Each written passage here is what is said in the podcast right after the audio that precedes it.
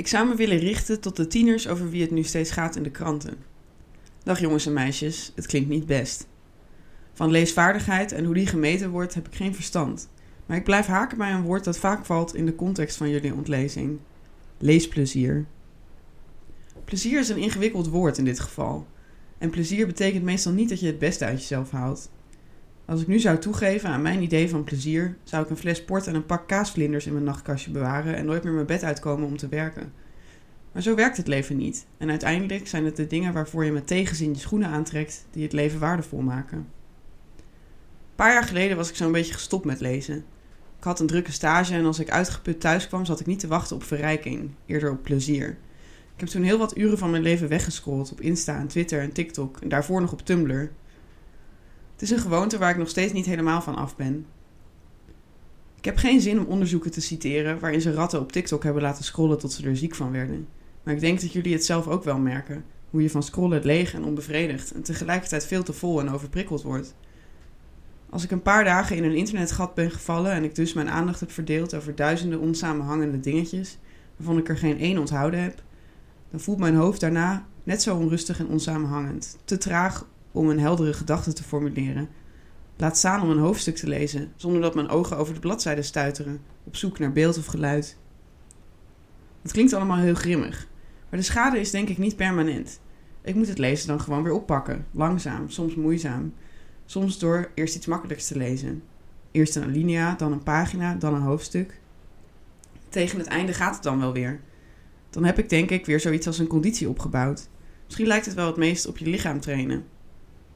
Ik denk dat mensen van een andere generatie daaraan voorbij gaan als ze het hebben over leesplezier. En zelf nostalgisch terugdenken aan een tijd dat ze stripboeken kochten voor een dubbeltje of wat dan ook. De mensen die zich druk maken over de ontlezing onder jongeren hebben vaak een nogal beschuldigende toon. Alsof de jeugd van tegenwoordig, die de verantwoordelijkheid gekregen had om ons cultureel erfgoed te beschermen, uit onverschilligheid of karakterzwakte is gestopt met lezen. En alsof zij, de oudere generatie dan, in hun jeugd uit louter toewijding aan de literatuur dag in dag uit aan het lezen waren. In hun tijd vergde het simpelweg niet de enorme wilskracht die het vandaag de dag vergt om te kiezen voor lezen, boven dingen die echt plezierig zijn. Nu je weet dat het niet je eigen schuld is dat je veel te weinig leest, dan toch een pleidooi om te kiezen voor literatuur. Als je een noodlijdend literair tijdschrift opent, word je helemaal doodgegooid met maatschappelijke redenen om te lezen. Je zou er democratischer van worden. Maar een beroep om iets te doen waar je geen zin in hebt, alleen om een hoger doel te dienen, daarvan snap ik dat het niet altijd aankomt. Laat ik dan nu zeggen dat je het niet voor de samenleving hoeft te doen, maar geheel en al voor jezelf. Daar bedoel ik het volgende mee. Als je literatuur leest, dwing je jezelf om je aandacht lang op één gedachte te houden. Daar gaat je hoofd gewoon van aan.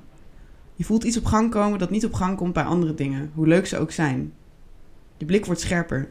Je weet je eigen gedachten beter te begrijpen en te ordenen waardoor je beter doorhebt wat je echt vindt van dingen.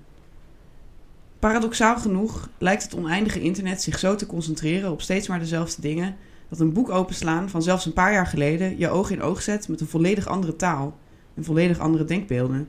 Je leest die dingen, je bent het er misschien niet mee eens of je vindt ze schandalig ouderwets.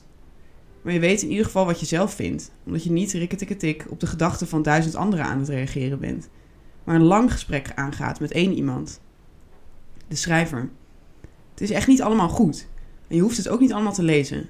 Ik heb me tijdens mijn mondeling net zo goed door de tranen der acacia's heen gebluft. Maar als je het toch blijft proberen, wordt het serieus steeds beter. Je voelt dat je scherper wordt, grappiger misschien. Dat je meer autoriteit hebt als je spreekt. Je voelt je minder eenzaam. Literatuur zit immers helemaal vol met eenzame verschoppelingen.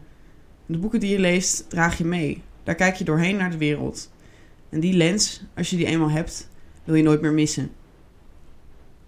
Dat is niet iets wat je verschuldigd bent aan de samenleving, of aan je school, of aan je studie, of aan je ouders, maar aan jezelf.